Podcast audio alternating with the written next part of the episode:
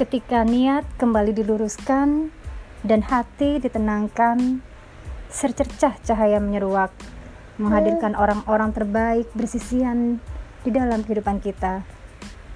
Seolah kehangatan bersemi di dada. Masing-masing kami belajar dan kemudian menyatu saling bertukar. Cerita saling memberi kisah. Hingga kemudian penyadaran itu datang kembali mengingatkan kami untuk berbenah diri. Sayangnya pada kami tiada pernah bertepi. Tak henti mengutus petunjuk yang mengilhami. Hening, hening dan sunyi di tengah rinai pagi. Jelas terdengar debar hati yang penuh puja dan puji pada ilahi Robi.